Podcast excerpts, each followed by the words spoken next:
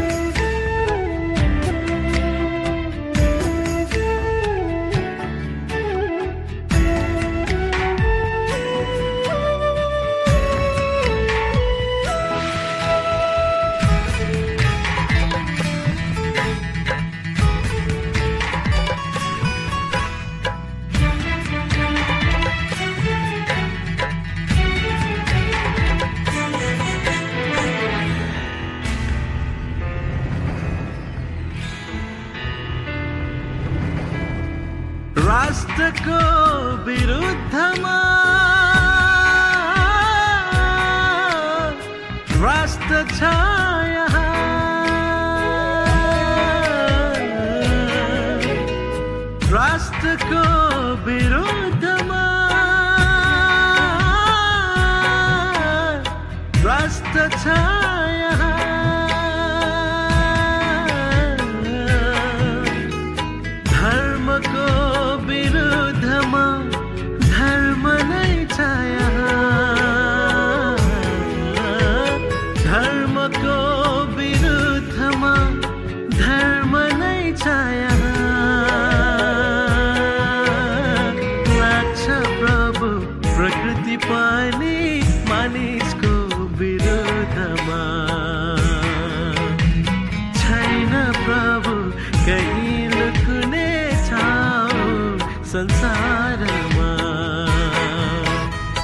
बचाउनु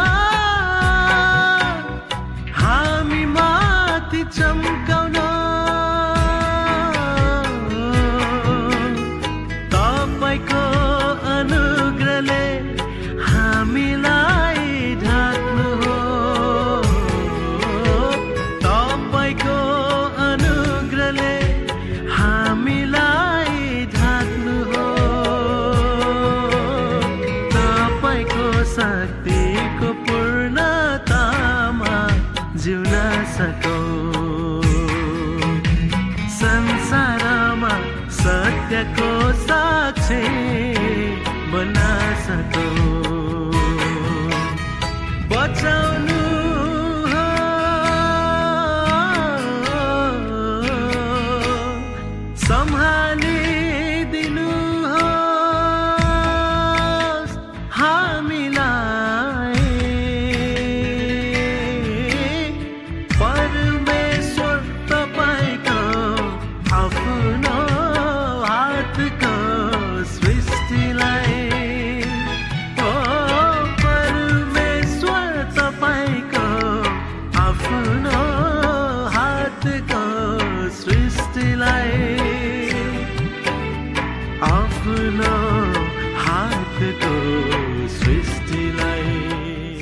यो समय तपाईँ एडभेन्टिस्ट ओल्ड रेडियोको प्रस्तुति भोइस अफ होप आशाको बाणी कार्यक्रम सुन्दै हुनुहुन्छ। श्रोता मित्र यो समय हामी पास्टर उमेश पोखरेलबाट आजको बाइबल सन्देश सुन्नेछौ। श्रोत साथी न्यानो क्रिस्टी अभिवादन साथ। म तपाईँहरूको आफ्नै आफन्त पास्टर उमेश पोखरेल परमेश्वरको वचन लिएर यो रेडियो कार्यक्रम मार्फत तपाईँको बीचमा उपस्थित भएको छु। मलाई आशा छ तपाईँहरू दिन प्रतिदिन परमेश्वरको अगुवाईमा आफ्नो जीवन यात्रालाई अगाडि बढाउँदै हुनुहुन्छ। आजको प्रस्तुतिलाई सुरु गर्नुभन्दा पहिले आउनुहोस् हामी परमेश्वरमा अगुवाईको लागि बिन्ती राख्नेछौँ। जीवी जिउँदो महान दयालु परमेश्वर प्रभु यीशु हामी धन्यवादी छौँ। यो जीवन र जीवनमा दिनुभएका प्रशस्त आशिषहरूको लागि। प्रभु यो रेडियो कार्यक्रमलाई म तपाईँको हातमा राख्दछु। यसलाई तपाईँको राज्य महिमाको प्रचारको खातिर यो देश र सारा संसारमा प्रचार गर्नुहोस् ताकि धेरै मान्छेहरूले तपाईँको ज्योतिलाई चिनेर तपाईँको राज्यमा प्रवेश गर्न सक्। सबै बिन्ती प्रभु यीशुको नाम आमेन।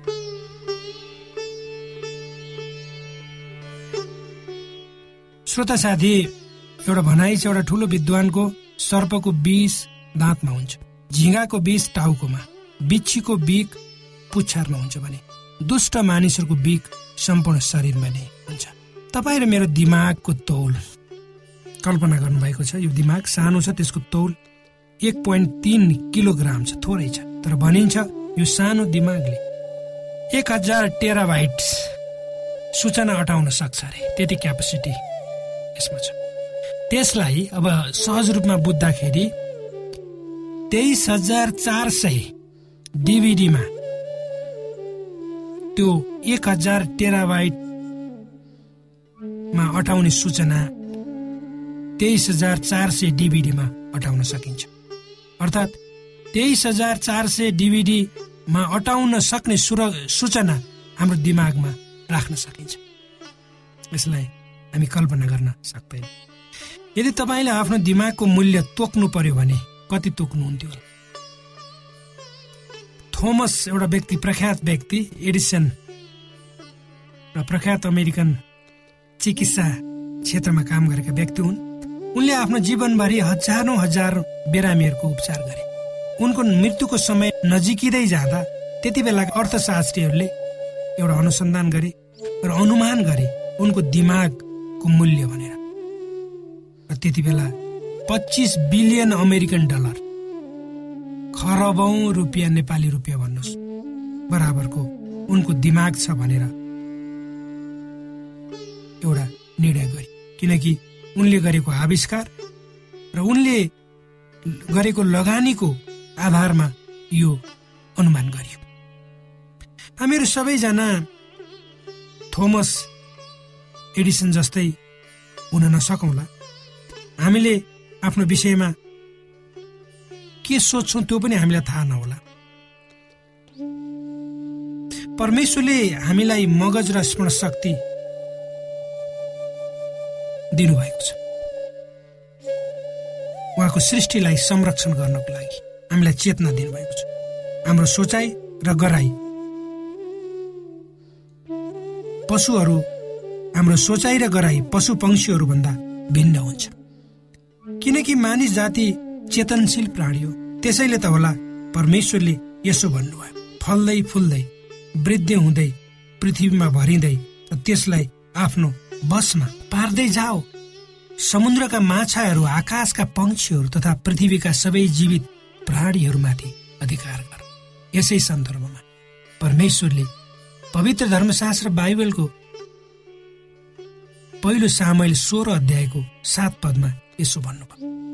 परमप्रभुले मानिसले झैँ हेर्नुहुन्। मानिसले रूप हेरेर विचार गर्छ तर परमप्रभुले हृदयभित्र हेरेर विचार गर्छ। यद्यपि हाम्रो आफ्नै देखावटी बाहिरी धार्मिकपनले अरूलाई हामी मूर्ख बनाउन त सकौँला तर यदि हामी पापलाई आफ्नो जीवनमा भित्ती रूपमा स्वीकार गरी हाम्रो दिमागमा त्यसलाई ठाउँ दिन्छौँ त्यसबाट आनन्द प्राप्त गरिरहन्छौँ भने परमेश्वरले हाम्रा हृदयका सबै नराम्रा कुराहरू जान्नुहुन्छ श्रोताहरू।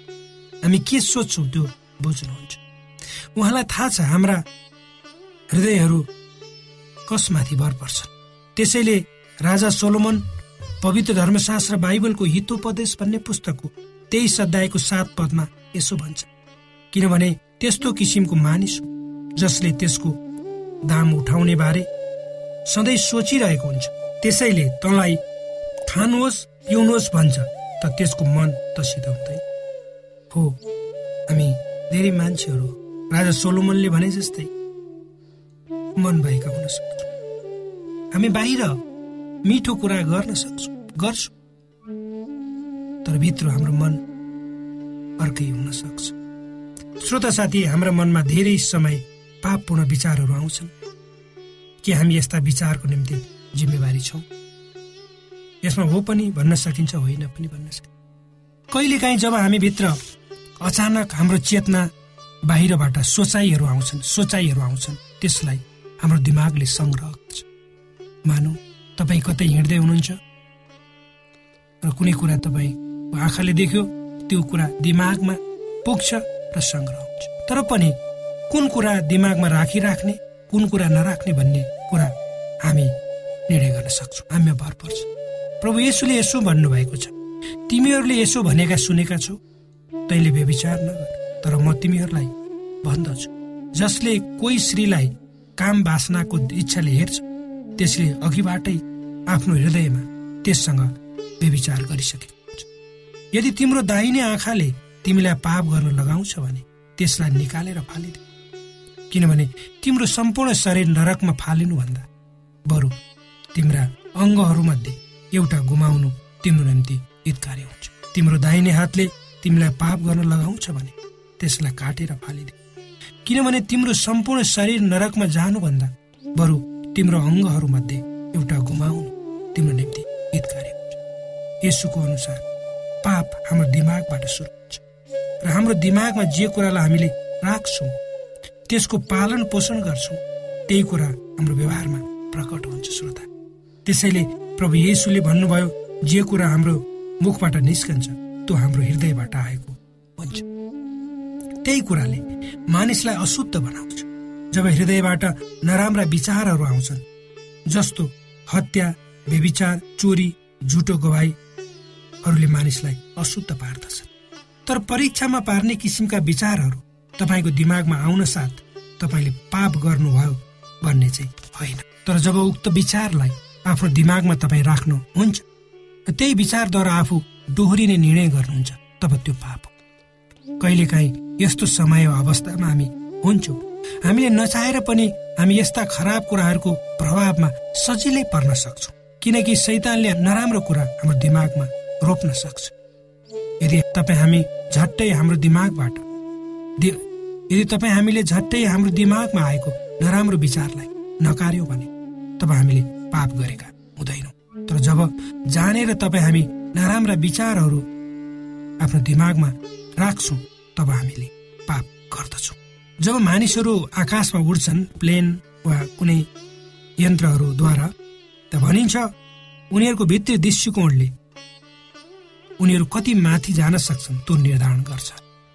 त्यसै गरी हाम्रो पापलाई हाम्रो दृष्टिकोणले निर्धारण गर्छ।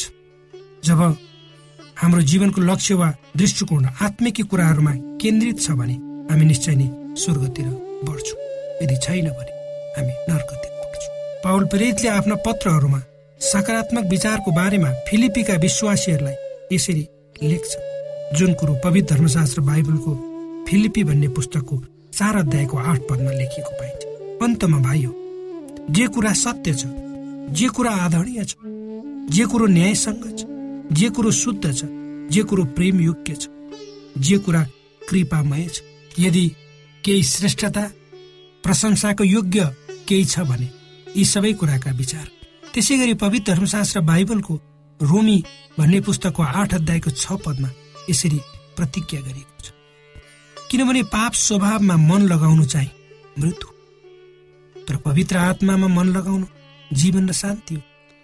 हाम्रो सोचाइमा जति सक्दो हामी सकारात्मक हुनुपर्छ त्यही परमेश्वरको इच्छा पनि। हाम्रो मानसिक एवं भावनात्मक सङ्घर्षहरूको बावजुद उहाँले हामीलाई सकारात्मक सोचाइ लिएर अगाडि बढाउन मद्दत गर्नुहुन्छ। र चाहनुहुन्छ वास्तविक विश्वास भनेको त्यही हो जब हामीले परमेश्वर हामीसँग हुनुहुन्छ भने विश्वास गर्छौँ चाहे जस्तो सुकै प्रतिकूल परिस्थिति भएर हामी गुज्रिएका किन नहौँ। श्रोत साथी हामी प्राय जसो आफ्नो भावना अनुसार सोच्छौँ र हेर्छौँ। यदि तर यदि हामीलाई हाम्रो भावनाले डोर्यायो भने हामी लक्ष्यमा पुग्न सक्दैनौँ। त्यसकारण हामीलाई हाम्रो जीवनको सिद्धान्त मूल्य मान्यता र लक्ष्यले डोर्याउनु पर्छ यही बाटोमा आफूलाई हिँडाउने कोसिस गर्नुहोस्। जब हामीले मानवीय स्वार्थी विचारबाट अब हामीले मानवीय स्वार्थी विचारबाट कसरी आफूलाई उचाल्ने त त्यसको निम्ति आफ्नो जीवनलाई परमेश्वरमा समर्पित गरेर मात्र हामी आफ्ना स्वार्थी विचारहरूलाई कुल्चिन सक्छौँ। परमेश्वरले तपाईँ हाम्रो दिमागलाई नियन्त्रण गर्नुहुन्छ। जब हामी उहाँको शरणमा पर्छौँ यो कसरी हुन सक्छ भन्दा हामीले परमेश्वरमा विश्वास गर्नु पर्यो र सहयोगको निम्ति उहाँको चरणमा आफू जानु पर्यो पवित्र धर्मशास्त्र बाइबलको मत्ती बाइस अध्यायको सत्ताइस पदमा प्रभु येसु यसो भन्नुहुन्छ तैले परमप्रभु आफ्ना परमेश्वरलाई सारा हृदयले आफ्नो सारा प्राणले र आफ्नो सारा समाजले प्रेम गर्नु। यदि यो परमेश्वरको आज्ञालाई सबै मानिसहरूले बुझ्ने हो भने यो संसार अर्कै हुने थियो निश्चय नै। कसरी हामीले हाम्रो परमेश्वरलाई आफ्नो मनद्वारा प्रेम गर्ने? परमेश्वरले तपाईँ हामीलाई निमन्त्रणा दिइरहनु भएको छ ताकि हामीले उहाँको मनद्वारा कुनै पनि कुरालाई हेर्न सक्छौँ। र परमेश्वरको विचारलाई व्यवहारमा परिवर्तन गराई हामी परमेश्वरलाई आफ्नो जीवनमा अङ्गीकार गर्न सक्छौँ। जब हामी परमेश्वरमा समर्पित हुन्छौँ तब हाम्रो हृदय पूर्ण रूपमा परमेश्वरले परिवर्तित गरिदिनुहुन्छ। परमेश्वरले यी वचनहरूमा तपाईँलाई आशिष दिनुहोस्।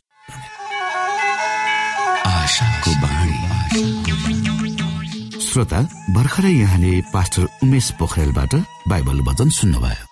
यो समय तपाईँ एडभेन्टिस्ट ओल्ड रेडियोको प्रस्तुति भोइस अफ होप आशाको बाणी कार्यक्रम सुन्दै हुनुहुन्छ। कार्यक्रम सुनेर बस्नुहुने सबै श्रोतालाई हामी हाम्रो कार्यक्रममा स्वागत गर्न चाहन्छौ।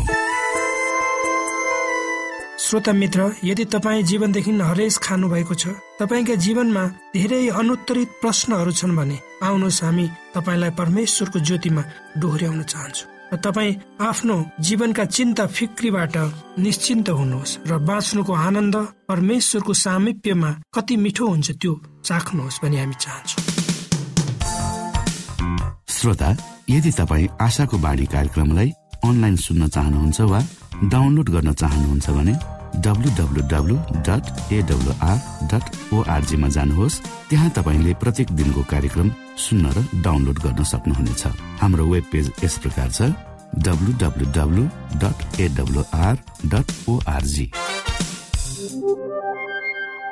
श्रोता यदि तपाईँ हामीसित सिधै फोनमा सम्पर्क गर्न चाहनुहुन्छ भने हाम्रा नम्बरहरू यस प्रकार छन्। अन्ठानब्बे एकसाठी पचपन्न शून्य एक सय बिस। अन्ठानब्बे एकसाठी पचपन्न शून्य एक सय बिस। र अर्को अन्ठानब्बे अठार त्रिपन्न पन्चानब्बे पचपन्न। अन्ठानब्बे अठार त्रिपन्न पन्चानब्बे पचपन्न। श्रोता साथी न्यानो अभिवादन। म तपाईँकै आफ्नै आफन्त पास्टर उमेश पोखरेल। सानो लेख लिएर उपस्थित भएको छु जसको शीर्षक छ अनुग्रहले विगतका घाउहरूलाई निको पार्छ।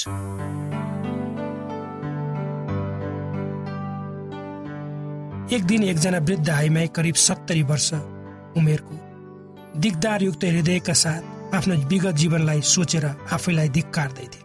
कस्तो दुःख जीवन समस्याहरू नसोचेको घटनाहरू लाज शर्म अनि अवहेलना आदि आदि। र आफ्ना विगतहरू उनको अगाडि एउटा सिनेमा जस्तो अगाडि आइरहेका थिए। आफू आफैसँग रिसाउँदै उनी एक्लै उभिरहेको थिए। उनले प्रार्थना गरिन् प्रभु तपाईँले भन्नुभएको छ हामीले एकअर्कालाई क्षमा दिनुपर्छ। तर म कसरी ती मानिसहरू जसले मेरो जीवनलाई नर्क बनाए तिनीहरूलाई क्षमा दिन सक्छु? यस्ता मानिसहरूलाई कसरी क्षमा देऊ भनी तपाईँ भन्न सक्नुहुन्छ? जसले मेरो विगत मेरो सबै कुरा बर्बाद गरे। क्षमा दिन मेरो आफ्नै सोचबाट असम्भव छ। प्रभु म आफ्नो जीवनबाट वाक्क भइसकेको छु। म क्षमा चाहन्छु। तर म तपाईँले भनेको मान्न सक्दिनँ। यो कुरा सुनिसकेपछि प्रभुले भन्नुभयो तिमी मैले क्षमा दिएको चाहन्छु। तिमीलाई उनले जवाफ दिनु ओ प्रभु म तपाईँबाट क्षमा चाहन्छु। के तिमीले आफ्नो जीवनमा कहिले चोरी गरेनौ? अरूको विरुद्धमा बोलेनौ कसैलाई धोका दिएनौ आफ्नो मित्रहरूको विरुद्धमा काम गरेनौ। के विगत सत्तरी वर्षभरिमा तिमीले कुनै खराबी गरेनौ? परमेश्वरले एकपछि अर्को प्रश्न उनीसँग गर्नु। र उनी निरोत्तरित भइन् कामदै निराश र हताश भएर कामदै भनिन् हो प्रभु ती सबै कुराहरू मेरो जीवनका एक भाग थिए मैले गरे। तब यसुलाई उनले क्यालवरी क्रुसमा देखिन्। शरीरभरि दाग अनि घाउ लागेको यसु उहाँसँग बोलिरहनु भएको उनले देखे अनि चिच्याएर उनी रोइन्। परमेश्वर मलाई दया गरी क्षमा दिनुहोस् किनकि तपाईँलाई मैले दुःख पुर्याएँ म अरूलाई क्षमा दिन राजी छु। यसुले उनलाई हेर्नुभयो र भन्नुभयो मेरी छोरी म पनि यी सबै थोकको योग्यको छैन। तर पनि मेरो अनुग्रह तिमीमा दिन्छु ताकि तिमीले अरूलाई क्षमा दिन सक ताकि हाम्रो स्वर्गमा बस्नुहुने परमेश्वरले हाम्रो पापको लागि हामीलाई क्षमा दिन सक्नुहोस्। आउनुहोस् तपाईँ हामी पवित्र धर्मशास्त्र बाइबलको मर्कुस एघारको छब्बिस पढ्नुहोस् यहाँ यसरी लेखिएको छ तर क्षमा गरेनौ भने स्वर्गमा हुनुहुने तिमीहरूका पिताले पनि तिमीहरूका अपराधहरू क्षमा गर्नु। त्योभन्दा पहिले हामी पच्चिस पद पनि पढौँ। जब तिमीहरू प्रार्थना गर्न खडा हुन्छौ तब कसैको विरुद्धमा तिमीहरूको केही छ भने क्षमा गर ताकि स्वर्गमा हुनुहुने तिमीहरूका पिताले पनि तिमीहरूका अपराधहरू क्षमा गरिदियो